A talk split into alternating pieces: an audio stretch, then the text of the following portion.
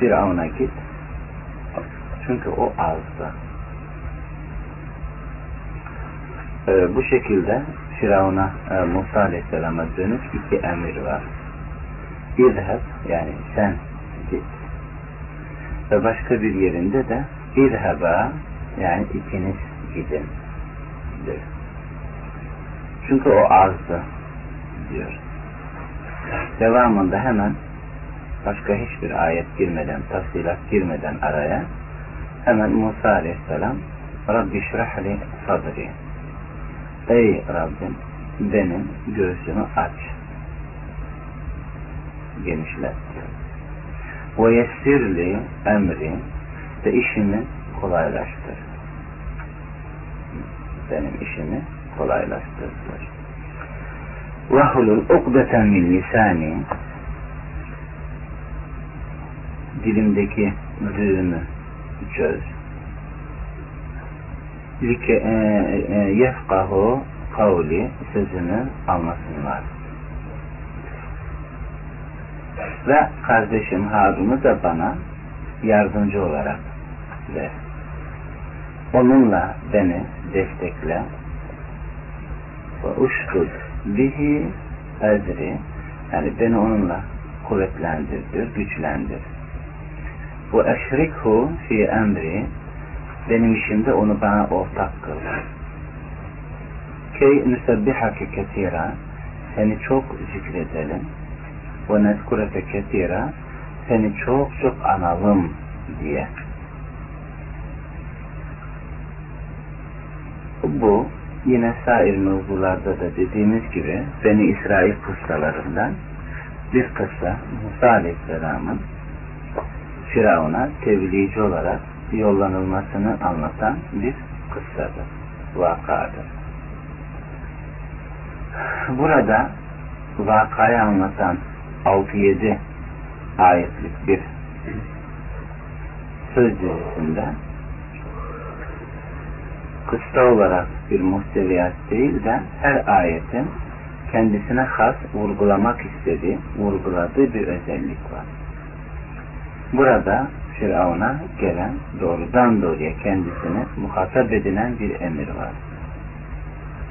İzheb ila firavuna innehu istaga. O ana kadar Musa sadece Rabbinden gelenleri kabul ediyordu. O an bu emirle vazifesinin risalet olarak kendisine tevzi edilen vazifenin Firavun'a hem de küfürde, zirvede tek misal olarak gösterilen Firavun'a tebliğ, ona Allah'ın emirlerini ulaştırmak olduğunu anlıyor. Firavun'a git çünkü o azdı diyor. Bu gösteriyor ki azdı sözü en azgını odur. Mevcut olan kafirlerin en azgını odur. En azgını odur. Ee, küfür, şirk, tuğyan olarak ne gibi bir misal verilmek istenilirse mutlak Firavun akla gelir. Öyle olmuştur ki artık bu lakap çünkü Kıptilerin yani Mısır, eski Mısır, Mısır krallarında Firavun bir lakaptı, isim değildir. Ha.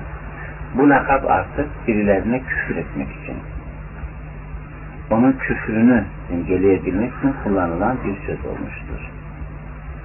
Bu tarihte çokça vardır. Hatta saf olan aslında hiçbir kötü vasfı niteliği olmayan Yahudilik gibi bir ırk bile Yahudilerin yapmış oldukları pisliklere binaen bizim aramızda ki Avrupa'da da vardır birisini itham etmek istediklerinde birisini Yahudilerden mevcut herhangi bir sıfatla itham etmediklerinde bu Yahudi derler. Yahudi bu adam derler. Halbuki Musa Aleyhisselam da Yahudiydi. Ama bazen böyle oluyor. O kelime, o sıfat, o nitelik belli bir kavme has olan şey onlara o yönlü benzemekten dolayı artık bir itham e, tenkit kelimesi vasıtası olma başlamıştır.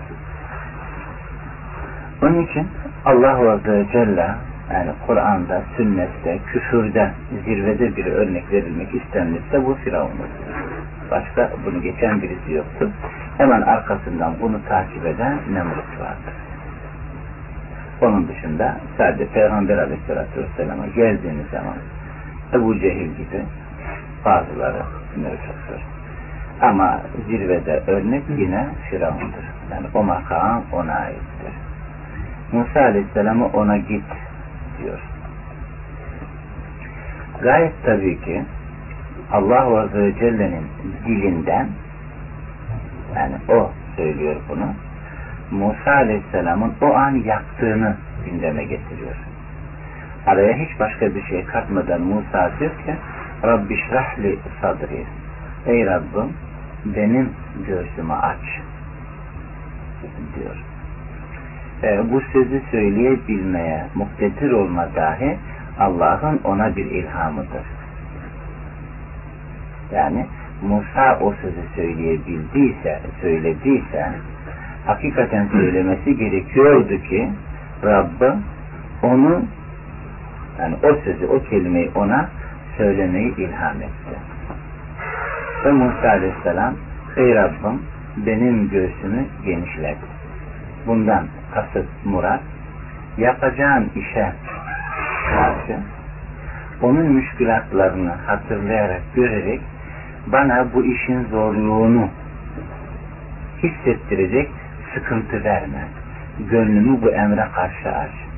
Ne gibi bir müşkülat, ne gibi bir arıza, yani arz olunursa arz olunsun, bunun karşısında sendelenmemek için benim gönlümü aç. Yani bu emri kabulde bana kolaylık ver. Hiçbir zorluk bu emri tatbiken gücü yetme. Tatbikten beni alıkoyma gücü yetmesin. Bu iki ayeti birbirine ekledikten sonra normal malumatımızla o hali vaka olarak zamanımıza aktardığımızda şöyle muhakemeler gerekir.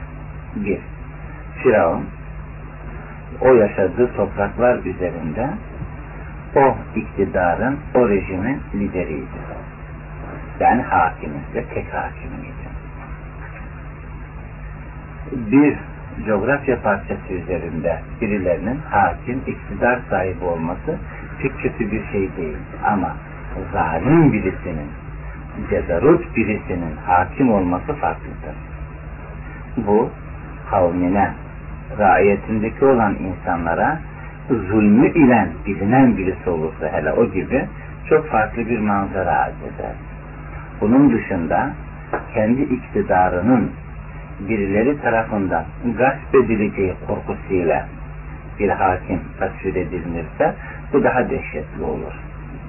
Düşünün Beni İsrail Musa Aleyhisselam'ın kavmi yurtlarından, vatanlarından, topraklarından uzaklaştırılmış. Karıları esir alınmış, çocukları esir alınmış. Akabinde bu mevzunun seyrini Kur'an'da okuduğunuz zaman e, Firavun'un sihirbazlarından kendisine haber verilmesinin akabinde Beni İsrail'den bir erkek çocuğu doğacak. İşte o senin saltanatını sarsacak gibi bir kehanette bulunmasının akabinde Ben İsrail'in doğan erkek çocuklarını öldürme gibi, öldürme gibi bir zulmü de gündeme getirmiştir. İşte Musa Aleyhisselam o ortamın içinde büyüyen birisiydi. Tabi o da insandı tabiatıyla. Bu emrin bu emirden evvel İsrailli yani Beni İsrail'den birisiyle Kıptilerden birisi arasındaki bir kavgada araya girip onları ayırırken Musa'nın öbürküne bir yumruk vurup öldürüp sonra kaçması Medyen'e kaçmak vakası vardır. Kasas'ta okursanız. Hatırladınız mı bunu? Ha. O da korkmuştu. Kendisine bir zarar verilmesinden her insan gibi endişe duyup oradan uzaklaşmıştı. Medyen'e gitmişti. Hı. Düşün iktidarından, kuvvetinden korktuğu bir insana Allah Azze ve Celle doğrudan doğruya onu muhatap edineceği bir halde tebliğ emreder. Musa bu vakaları her insan gibi, o ortamda yaşayan her insan gibi biliyor ve kestiriyordu. Onun için bunları düşünerek Rabbi şrahli sadri Ey Rabbim benim göğsümü aç. Bu emri tatbik etmede bana güç ver. Bu emri tatbikte zor görünen ne varsa bunları benim gözümde küçült. Hiç önemli baktırma. Yani bu emri tatbik etmede bana güç ver, irade ver, samimiyet ver. Kastı budur. Göğsümü aç. Hiçbir sıkıntı gelmesin. Hemen yalvarmaya, Allah Azze ve Celle'ye ilticaya, her ne kadar ben bununla emrolunmuş bile olsam, bu mevzuda yardım yine sendendir. Bu gösteriyor ki mevzunun seyri de bunu açığa çıkaracak. Ee, peygamberler tebliğ ile mesul, sorumlu tutuldukları gibi ondan sonraki gelen ümmet de artık Allah Resulü sallallahu aleyhi ve sellemin ümmeti Müslümanlar olarak biz bu mevzuyu ele alıyoruz. Mutlak tebliğden sorumludur. Her ortamda kendilerine has bir vaka ele alınırsa bizim 21. asırda yaşamış olduğumuz coğrafya parçası üzerinde herhalde bu emirle biz de muhatap olduğumuza göre vakayı, ortamı düşünerek ancak bu duayı edebiliriz. Müşkülatlarımızı hangi boyutta görürsek görelim, ne düşmanımızı ne de müşkülatlarımızı Musa Aleyhisselam'ın düşmanı ve müşkülatlarıyla denk tutmamız mümkün değildir. Zaten her mevzuda olduğu gibi misalin, örneğin zirveden verilmesindeki kasıt budur. Misalin, örneğin zirveden verilmesindeki kasıt murat budur. Bizim düşmanımızın hiçbir zaman Musa e Musa'nın aleyhissalatü vesselam düşmanı gibi olması mümkün değildir. Bizim müşkülatlarımızın onun müşkülatlarına denk tutulması mümkün değildir. O zaman emrin yani muhteviyatından çıkan öz şu olur. Sizin düşmanınız öyle olmayacak. Sizin müşkülatlarınız da öyle değil. Ama siz de tebliğle sorumlusunuz, mesulsünüz. Buna rağmen aynı imkanları kullanabiliyoruz. Zorluk o zorluk değil ama ey Rabbim bizim kalbimizi, gönlümüzü aç diyoruz. Bu meseleyi burada tuttuğumuzda ee, İbn-i radıyallahu anhudan nakledilen hadis-i şerifte Müslüm'de iman bahsinde, iman mevzunda da bunu işlemiştik. Gelen bir hadis-i şerifte Allah Resulü diyor ki her peygamberin havarileri ve ashabı vardır diyor. Onlar emrolundukları şeyleri yaparlar. Emrolunmadıkları şeylerden yani sakındırıldıkları şeylerden de uzak dururlar diyor. Sonra bir nesil türer diyor. Emrolundukları şeyi yapmazlar, emrolunmadıkları şeylerle uğraşırlar. İşte her kim onlarla mücahede eder, cihad ederse diyor, o mümindir. Her kim e, eliyle cihad ederse mümindir. Diliyle cihad ederse o da mümindir.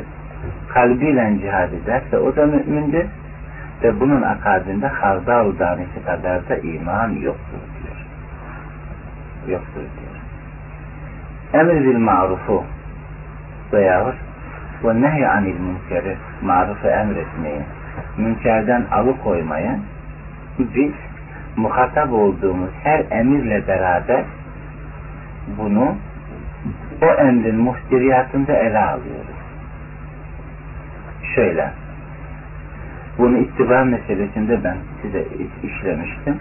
Allah Azze ve Celle ittebi ma uhiye ileyke veyahut ittebi ma unzile ileyke Ey Muhammed sana indirilene sana vahyedilene uy derken biz bu emrin mücerret lafzının mantukunu ele almayız. Ha. Bu ayetle her emrin mutlak aksinden nehyeden bir mefhumu vardır. Yani sana indirilene uy sakın ha indirilenin dışında bir şeye uyma manasını taşır. Yani indirilene uy derken sakın ha indirilenin dışında hiçbir şeye uyma. Ya eyyuhel Resul belliğ ma unzile ileyke min Rabbik. Ey Resul sana indirileni tebliğ et derken sakın ha bunun dışında hiçbir şeyi tebliğ etmekle yükümlü değilsin. Ve sakın ha tebliğ ettiğin mutlak Rabbinden indirilen olsun. Eğer tebliğ ettiğin şeyler Rabbinden indirilenle alakalı değilse bu tebliğ tebliğ değildir. Senden tebliğ isteniliyor ama tebliğ ettiğin şey Rabbinden indirilen olmalıdır. Başka bir alaka. Bunu değil mi? Tebliğ et ama tebliğ ettiğin şey Rabbinden indirilen olsun. Sakın ha onun dışında başka bir şeyi tebliğ etmekle yükümlü değilsin. Yaparsan ayetin devamında da ve illem tef'al fema bellagte risalete. Ayetin şimdi özünü burada. Şu Rabbinden indirileni tebliğ etmezsen fema bellagte risalete. Onun sana tevdi ettiği, Rabbinin sana verdiği vazifeyi yerine getirmemişindir. Burada Resul'e olan ikaz, indirileni tebliğ etmezsen. Senin durumun budur. Bir de ayetin başından aldığımız manayı bize dönük ele, bize dönük uygularsa indirileni tebliğ etmeme değil indirilenin dışındanı tebliğ edersen bunun belası ve musibeti daha fazladır. Bu bir kaydı mı? Ha, onun için e, Kur'an-ı Kerim'de bizim marufu emretme, münkerden alıkoyma esası emrolunduğumuz, muhatabı olduğumuz her şeyle beraber bunun aksinin de gündeme geldiğini düşünmeliyiz. Yani tevhidi gerçekleştir, Allah'ı birle derken şirkten uzak dur sözü nasıldır? Şirkten uzak durma kişinin cismini, cesedini oradan alıp başka bir yere aktarması, götürmesi değildir, nakletmesi değildir. Şirkten uzak durma, o şirk kabul edilen şeylerin şeyleri senin inkar etmenle mümkündür. İnkar bir tezahürü gündeme getirir. Yani dillen, ellen ve azalarla bir tepkiyi gündeme getirir. Aynen de tevhid dillen tamam mı? Kalple, azalarla bir tatbiki gündeme getirdiği gibi. Onun için marufu emretme, münkerden alıkoyma bizim imanımızı koruma esaslarının en büyükleridir. En önde gelenidir. Biz ancak imanımızı bununla koruyabiliriz. Başka türlü korumamız mümkün değildir. Yine Ebu Said el-Hudri'nin hadisinde de zikrettiği gibi sizden biriniz bir münker gördüğünde ona mani olsun. Bu şu ana kadar anlattıklarımızı ne yapıyor? Net bir şekilde açıklığa kavuşturuyor. Gördüğünüzde bu gördüğünüzde men ra'a minkum munkara her kim görürse belli bir ilmi yani ilim ilmi mertebesi olan, seviyesi olanı muhatap edilmiyor. Belli bir kesimi muhatap edilmiyor.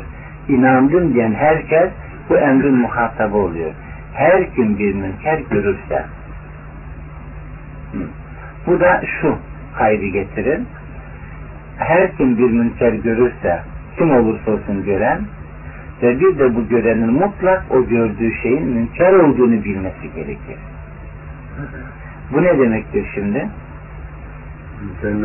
Yani münker dediğimiz şey Allah'ın ve Resulünün yasaklayıp sevmediği, hoşlanmadığı şeylerdir.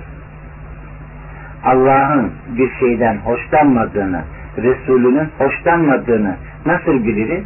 İndirilen şeyi bilmekle mümkündür. Yani Allah ve Resulünün onu yasaklamış olması gerekir. Münkerden alıkorken, münkere mani olurken onun münker olduğunu bilmemiz gerekir. Değilse o işe o adı veren biz olmamalıyız.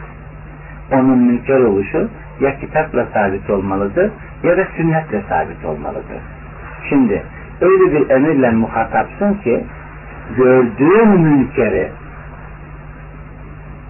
onun münker olduğunu bilmelisin. Ona mani olmakla sorumlusun. Bu ne demektir? Yani münkeri öğrenme, okuma mecburiyetindesin. Öncelikle sen bununla memursun. Eğer münkerin münker olduğunu bilmezsen senin yapacağın bir iş yoktur. Yani mani olma her ne kadar bir ameli olarak tezahür yönünü de tutmuş olsan burada bilmediğin halde mani olsan da başına beladır geri dursan da başına beladır. Çünkü münker olduğunu bilmiyorsun. Sizden biriniz bir münker gördüğünde derken yani neyin münker olup olmadığını öğrensin kastı taşır. Ve onu da bilmekle yükümlü olduğunu anlaması gerekiyor.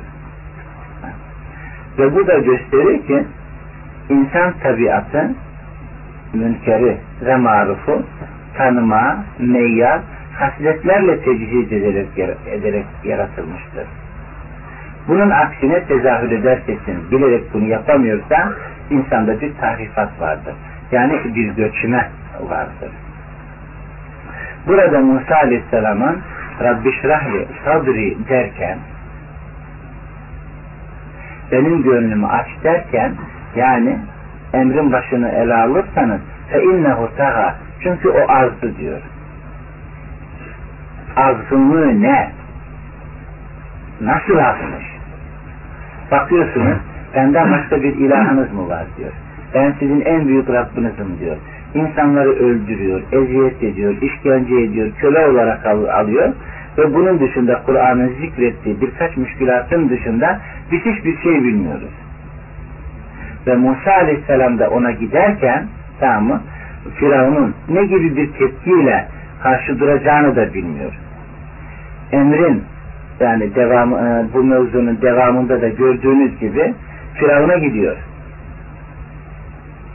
Tebliğinden evvel bir şeyler söylüyor. Ne diyor?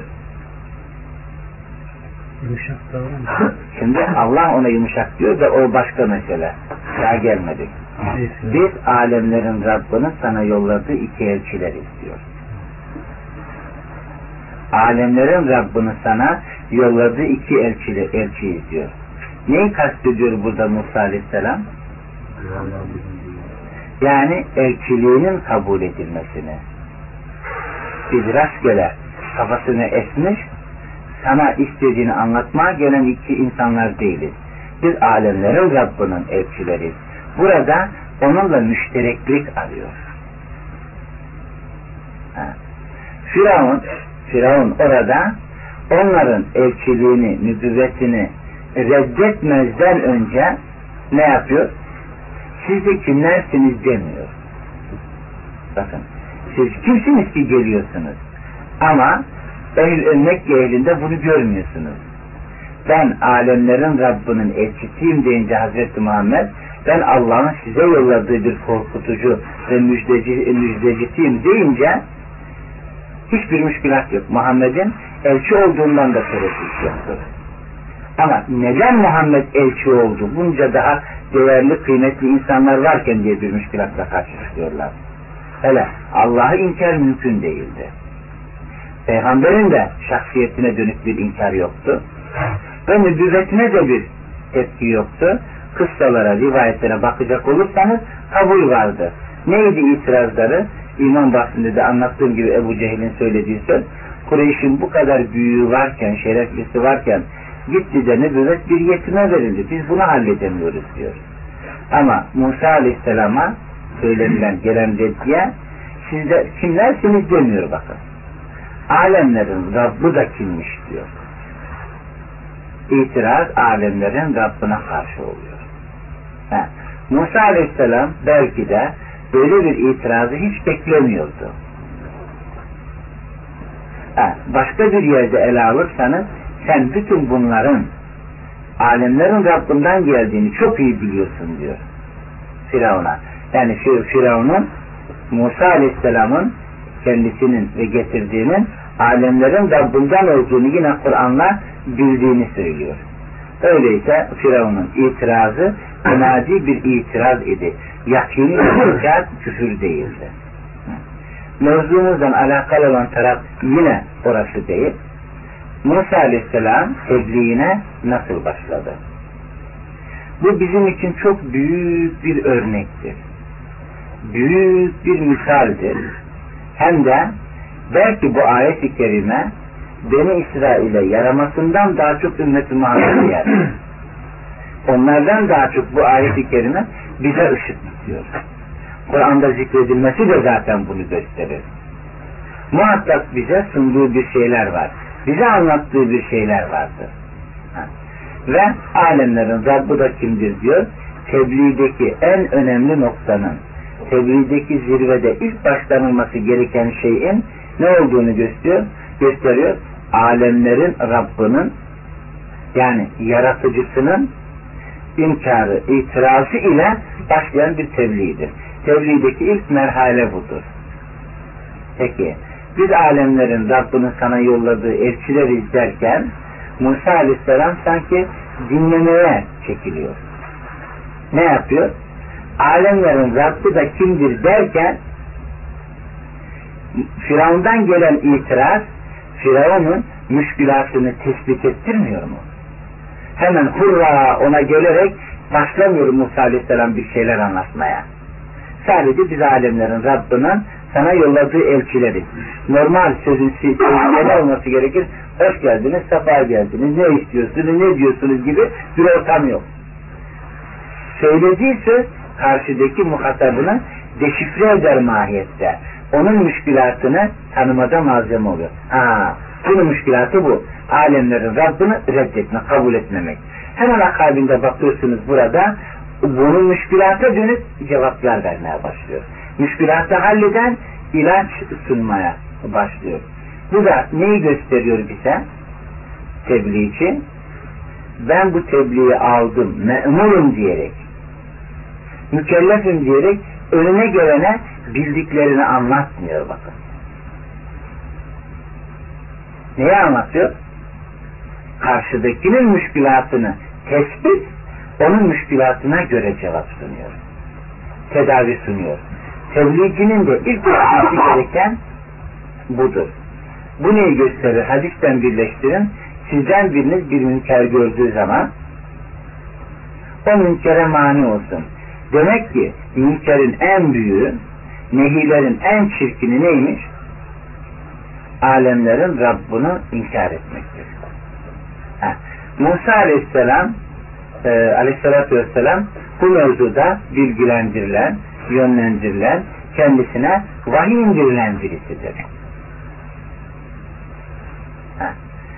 Binaenaleyh Musa böyle başlamış. Bizim de karşımıza herhangi bir ortamda böyle bir müşkülat çıkabilir. Alemlerin Rabbini inkar eden birisiyle karşı karşıya kalabiliriz. Kur'an'da misal olması böyle bir vakayla karşılaşabileceğimizin mümkün olduğunu gösterir. Her ne kadar sair müşkülatlara nispeten onu da tevhid meselesinde demiştim. Kur'an'ın umum seyrine, peygamberlerin davetlerinin seyrine karşılaştıkları müşkülatlara bakacak olursanız umum peygamberlerin daveti uluhiyet tevhidi merkezidir demiştik. Bunu hatırladınız değil mi? Ha. Ama buna rağmen rububiyet tevhidi merkezli daveti olan Resuller de var demiştik. İbrahim ve Musa aleyhisselam gibi. Bu da nedir? Demek ki yani yüz döviz birimlik bir davet seyri olsa bunun yüzde onu rububiyet tevhidine dönük müşkülatları içeriyor. Gerisi uluhiyet tevhidi merkezidir. Ama buna rağmen dedik yine hatırlarsanız bütün peygamberlerin yani uluhiyet tevhidi merkezli peygamberler dahi olsa davetlerine başlarken neyle başlıyor? Hatırlatma. Bu hatırlatmayı böyle kullanmıştık. Hatırlatma vardı dedi. Ama bu deşifre etmek için, müşkülatı keşfetmek için arz edilen sorulardır. Aynen Musa'nın biz alemlerin Rabbiyiz. Alemlerin Rabbine sana yolladığı elçileriz. Sözü nedir? Sen bunu kabul ediyor musun, etmiyor musun demiyor ona. Böyle bir soru soruyor, onun tepkisini bekliyor. Peygamber aleyhissalatü vesselam da geldiğinde ne diyor? Muhammed onlara sor. Kendilerini yaratan kimdir? Ha, Allah derlerse ki öyle diyorlar zaten. Onlar adına, onlar adına verilen cevap da bu. Yerden ve gökten rızıklandıran kimdir diye soruları peş peşe sıralayınca onlardan alınan cevaplar ne oluyor? Allah. Madem ki bütün bunları yapanın Allah olduğunu bildiğiniz halde nasıl ona ortak koşmaktan siz korkmuyorsunuz? Ha, bu da Peygamber aleyhissalatü vesselamın geldiği ortamda her ne kadar büyük bir ihtimalle Allah'a iman var ise de müşterekliği tespit, nereden davetine başlayacağını gösteriyor. Ha, siz alemlerin yani bu kainatın halika Allah'tır, razıka Allah'tır, maliki mülkü Allah'tır, müdebbirül emri Allah'tır bunu kabul edin diye başlamıyor. Bu itiraf var. Hemen dönüyor. Bütün bu inanç sistemi içerisinde bulunduklarını itiraf eden bir topluluğa Allah'a kulluk edin. Ona ortak koşmaktan sakının. Yani ve avudullah ve la tuşriku bihi şeyen. Allah'a hiçbir şey ortak koşmadan ona ibadet edin. Bu da şunu gösterir demiştik hatırlarsanız. Burada Mekkelilerden istenilen bizim anladığımız manadaki kulluk değil. Zaten onlar o kulluğu eda ediyorlardı. Ama eda ettikleri kulluğu şirksiz eda etmelerini isteyen bir emri yapıştırıyor. Farkına vardıysanız da itirazları hep o yönlü oluyor. Müşkülat tespit ediliyor. Ve tespit edilen müşkülat istikametinde nasihat başlıyor ve itirazlar geliyor. Redler, cevaplar peş peşe birbirini takip ediyor. Bu şimdi bizim ümmet-i Muhammed olarak sorumluluğumuz yaşadığımız toplumda aynı değildir. Allah Resulü'nün davetine bakacak olursanız Allah Azze ve Celle'yi toptan inkar, dehriyun dediğimiz varlığını inkar, ahiret hayatını inkar, bu müşkülatların yanında çok cüz'i olarak zikredilir. Ama bizde bütün müşkülatların temelinde asılda bir Allah Azze ve Celle'nin varlığını inkar yapar. Her ne kadar sözde insanlar bunu inkar, e, insanlar bunu itiraf etmemiş de olsalar. Bununla tekrar geleceği yani bağlayacağımız bir nokta şu oluyor.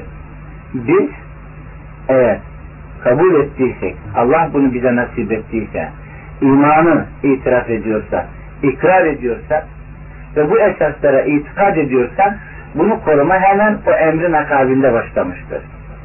Hemen onun maruf şeklini, münker şeklini yani emir olarak geliş şeklini, sakınmamız gereken tarafını neyi olarak geldiyse o nehi zıttıyla da bilmemiz gerekir.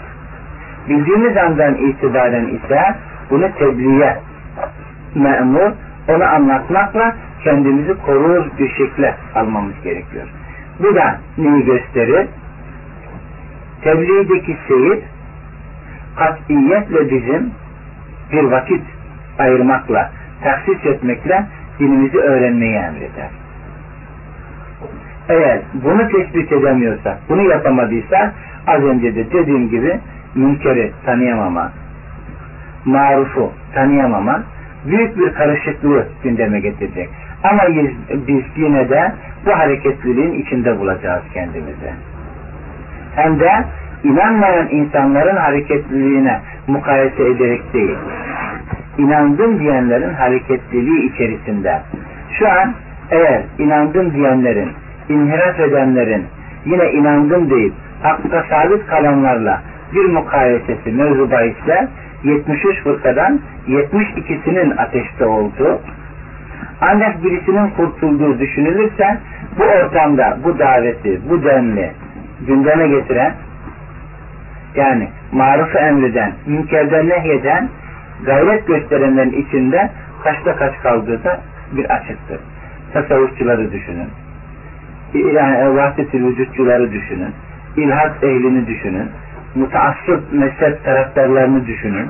Bunun içerisinde farklı görüşleri gündeme getiren, bunların hareketleri içerisinde varlarsa davetlerini ikame ediyorlar demektir. Ee, Edip Yüksel'le olan müşkilatta da gündeme getirdiğim gibi bu toplumda Edip Yüksel gibi birisi çıktıysa ona uyanlar da çıkacaktır. Edip Yüksel çıktıysa ona uyanlar da çıkıyorsa nedir? Adam demek ki davetini ikame ediyor davet var demektir.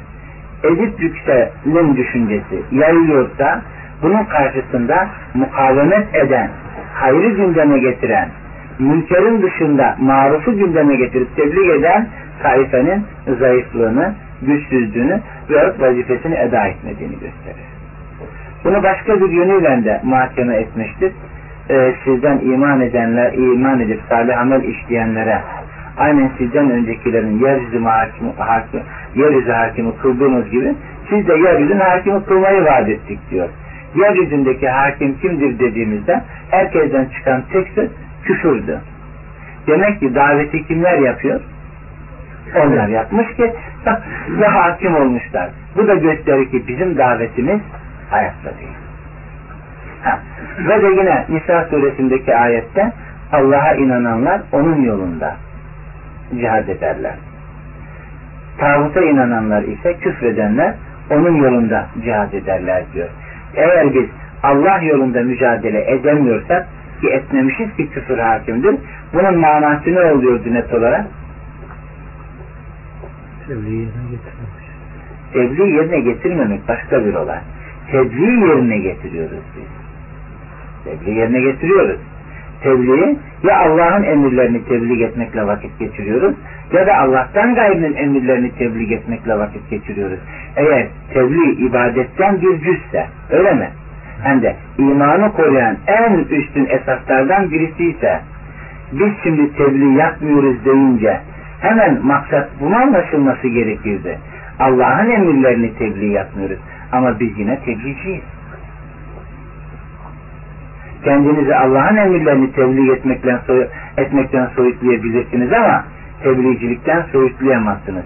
Allah'ın emri tebliğ edilmiyorsa Allah'ın emrinin dışında bir şeyler gündeme geliyor. Yani Allah'ın indirdiğini tebliğ edin sözünden anlaşılması gereken bu denli ibadeti izah ettiğimiz ortamda anlamak gerekirse nasıl bir mana çıkıyor? Allah'ın indirdiğini tebliğ et dediğinde böyle bir emre muhatap olduğumuzda bu neyi ihtiva eder? Tebliğ her halükarda vardır. Ama işin indirilenleri tebliğ edin demektir. İndirilenin dışındaki tebliğ edilenleri bırakın demektir. Bunu ibadet mefhumunda anlattım. Biz Allah Azze ve Celle'nin e, emirlerine davet etmiyorsak, nehirlerinden sakınlığa davet etmiyorsak, demek ki aksi gündemdedir. İbadet mefhumunu böyle anlatmıştır. Biz Allah'ın emirlerini tebliğden uzak duruyoruz demektir. Değilse tebliğden uzak duruyoruz demek değildir. Mutlak bir şeyleri tebliğ ediyoruz. Eğer marufu Allah'ın sevdiği, Resulünün sevdiği şeklinde anlarsak, marufu emretmiyorsak bu sefer nedir? Şeytanın mülkeri gündemdedir. Onu maruf kabul etmişiz, onu emrediyoruz. Düşünün bir tasavvufçunun gelip size vahdet-ül vücudu anlatması, Allah'tan gayrından yardım istemenizi gündeme getirmesi nedir? Aksinin gündeme gelmediğini gösterir. Siz de bu tebliğcilerden birisi olursunuz. Ve dediğim gibi kendi boyutunda Resulü itham eğer indirileni tebliğ etmezsen bu vazifeni yapmamış sayılırsın diyor. Yani insanlardan korkarak sakınırsan ve zaten imanın en zayıfı nedir?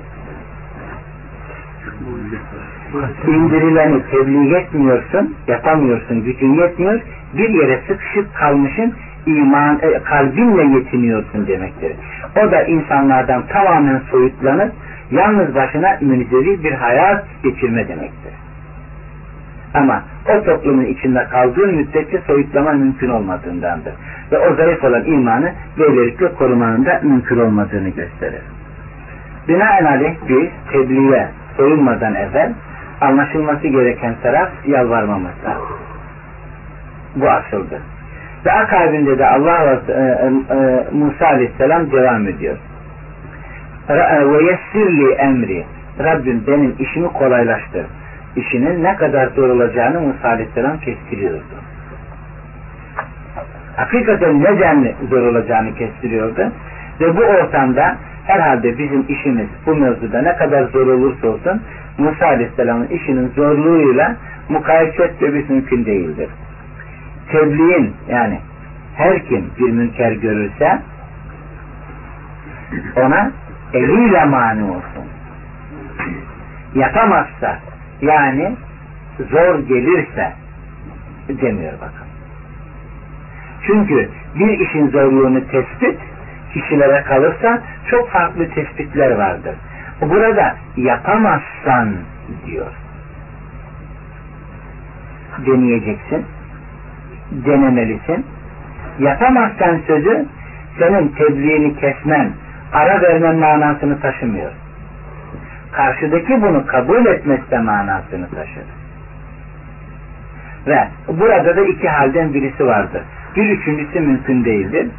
Yunus suresinde de zikrettiği gibi Yunus Aleyhisselam'ın kıssasını tebliğde iki netice vardır. Ya o tebliğ kabul edilir veyahut da reddedilir. Reddin de bir neticesi vardır. O senin oradan çıkarılmandır diyor. Senin oradan kovulmandır diyor. Ha. İnziva hayatına ise kovulmakla ancak günde inzivayı, çekilmeyi, geri durmayı ise kovulmakla gündeme getiriyorsun. Sen onlarla daha hala oturur kalırsan demek ki onların tepkisini çekecek seni oradan kovacakları bir ortam oluşmamış demektir. Böyle bir ortamda oluşmadıysa sen onlarla devam ediyorsan sen onlardan birisi olmaya namzet ve olmuş birisi olursun. Binaenaleyh tebliğin getireceği netice ya kabul görmeli ya da sen oradan atılmış olmalısın. Atılmış olmalısın ki yapamadığın, muktedir olamadığın gündeme gelsin. Ve bu sefer dilinle yap diyor. Kesmemek için budur. Elinle gücün yetmedi. Muktedir olamadın ama dilin sükut etmesin. Ve daha evvelce de, evvelce de anlatmış olduğum gibi dil ile tebliğin tebliğdeki bir başlangıç merhalesi olduğu gerçektir. Hele ilim ehlinin dilden aşağıya inmesi mümkün değildir. Kalple yetinme, kalple iktifa avama verilen bir ruhsattır. Güçsüz, iradesi zayıf olan insanlara verilen bir ruhsattır. Peygamber aleyhissalatü vesselamın davetine başlayışı dillen olmuştur. Başlarken katiyen kalplen değildir. Düşüş noktasında yetinilmesi gereken kalptir. Ve ilim ehlinin de katiyetle kalple başlaması gibi bir şey mevzu bahis değildir. Çünkü bilen, ilim ehli kabul edilen insanlar dini tebliğ etmezlerse hakkı söyleyecek kimse kalmamıştır. Çünkü ilim ehli hem marufu, münkeri öğreten hem de tasdik eden durumundadır. İlim ehli marufun, maruf olduğunu, münkerin, münker olduğunu söylemezse tebliğ ile sorumlu olan insanların marufu, münkeri öğrenmeleri, onu emretmeleri, ondan sakınmaları da mümkün olmayan bir ortama itilir. Onun için ilim ehli katiyetle dilden aşağıya inemez.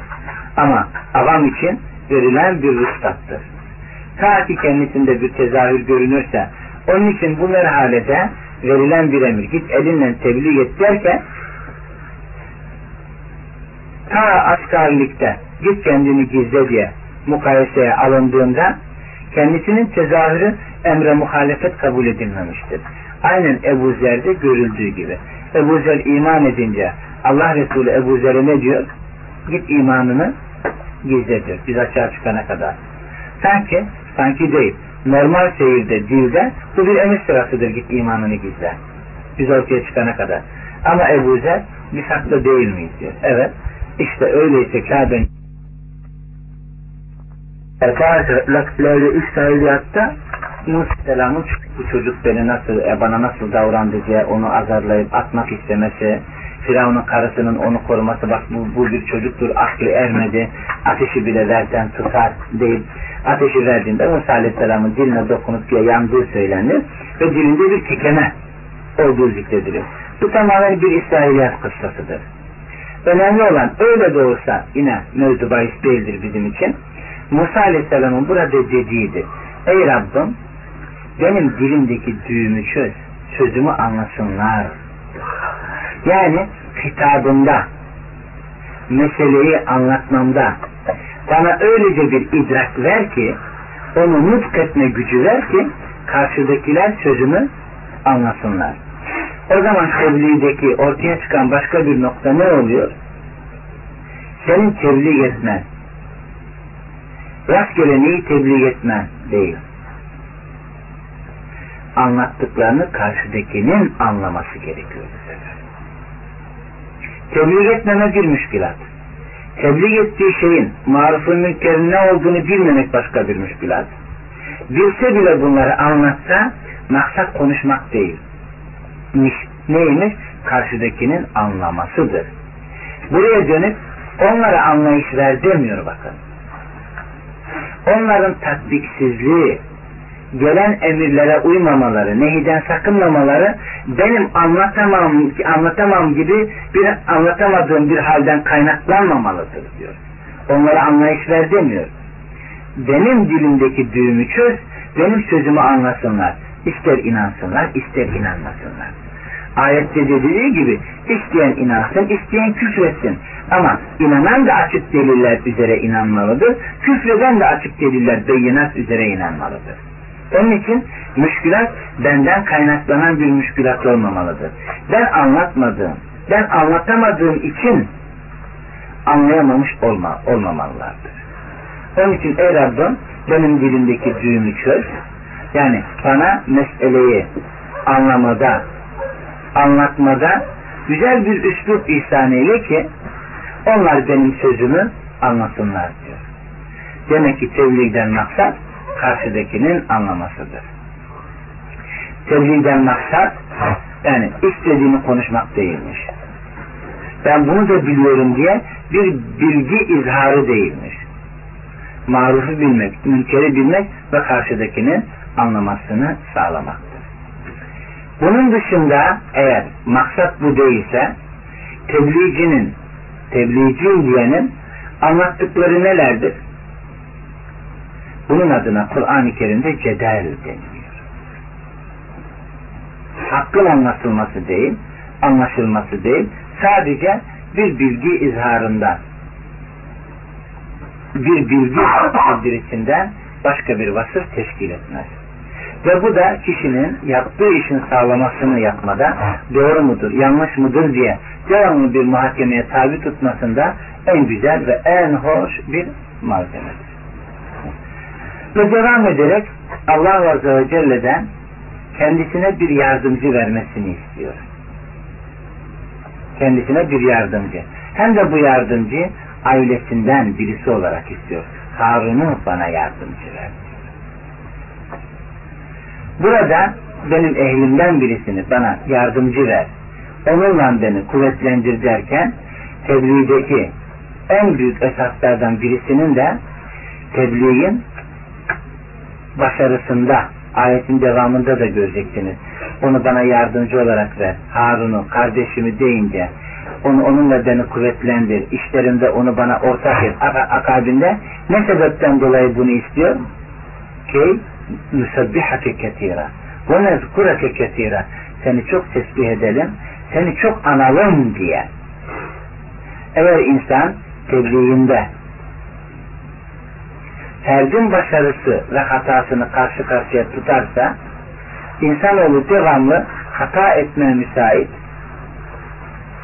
meyyaldir ve ferden kazandığı sevap yine kendisinin ferden kazandığı günahlarıyla defedilmektedir. E, defedilme yanlış oldu. Yani zayi edilmektedir. Kazandığını yine kendisi harcıyor demektir. Bir kişi kazanıyor ve bir kişi harcıyor. Ve harcamalar devamlı kazançtan fazla gündeme gelir. Hele bir tahrir, bir ifsat mevzu bahisler. Ama Harun'u yardımcı istemesi işlerinde onu kuvvetlendirmesi, ona destek vermesi ve neden olduğunu söylüyor, seni çok tesbih edelim diye. Demek ki yalnız olduğunda Allah'ı çok tesbih etmesi mümkün değil. Ve çok zikretmesi de mümkün değil. Binaenaleyh tebliğde asıl olan hele elle tebliğde, dille tebliğde asıl Müslümanın şer'i yardımlaşma içerisinde ortamında bulunması gerekiyor. Bu şer'i yardımlaşmanın, taavünün birçok boyutları vardır. Bunu yerine göre başka mevzularda da işledik.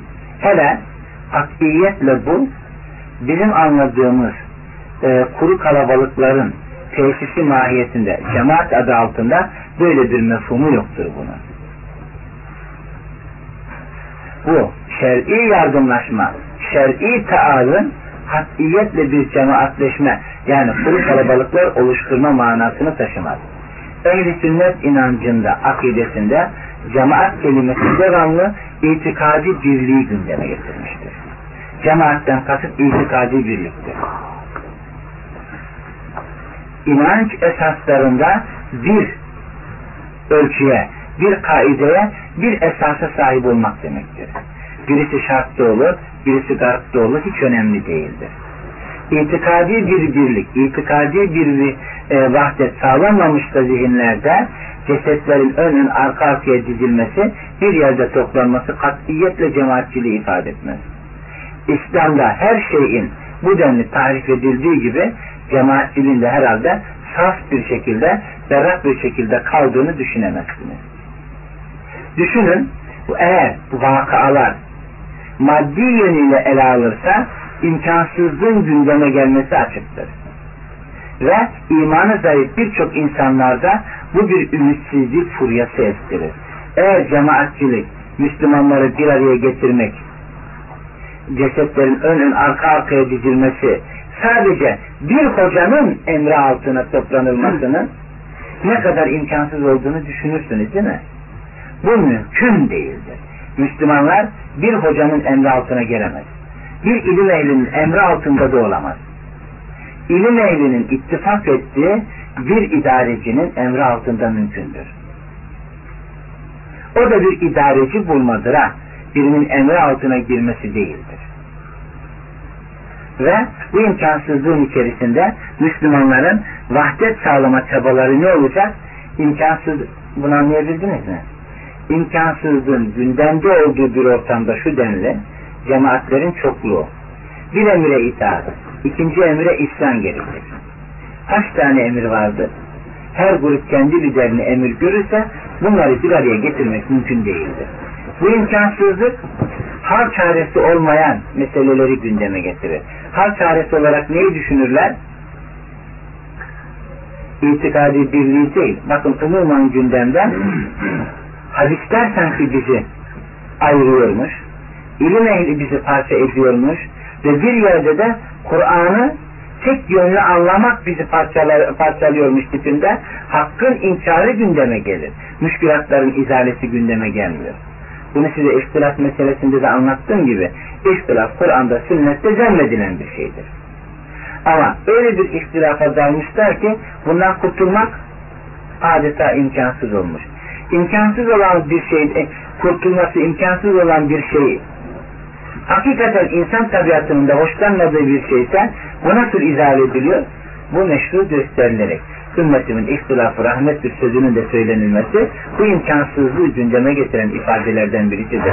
Bunu def etmeleri mümkün değildir. Onun için cemaatçiliği biz itikadi birlik, itikadi vahdet, zihinlerdeki itikadi esasları birleştirmektir. Bunun dışında bir cemaatçiliği anlamak mümkün değildir.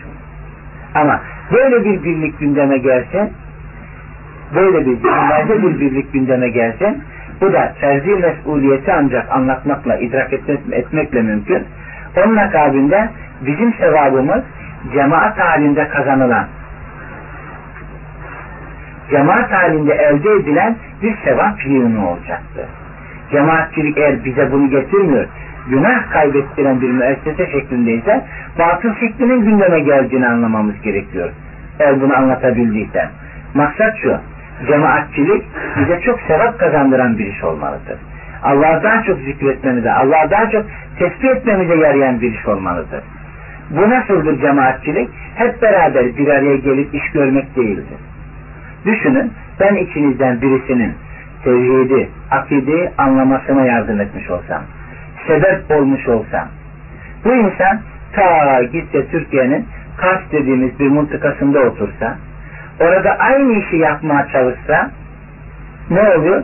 O adam benim için sevap kazanan, kazanan bir makinedir. Cemaatçilik bak budur. İtikadi birlikte varsa o Kars'ta da olsa ben İstanbul'da da olsam aynı şeyleri anlatacağız. Aynı şeyleri konuşacağız. Aynı şeylere davet edeceğiz. Aynı şeyleri reddedeceğiz.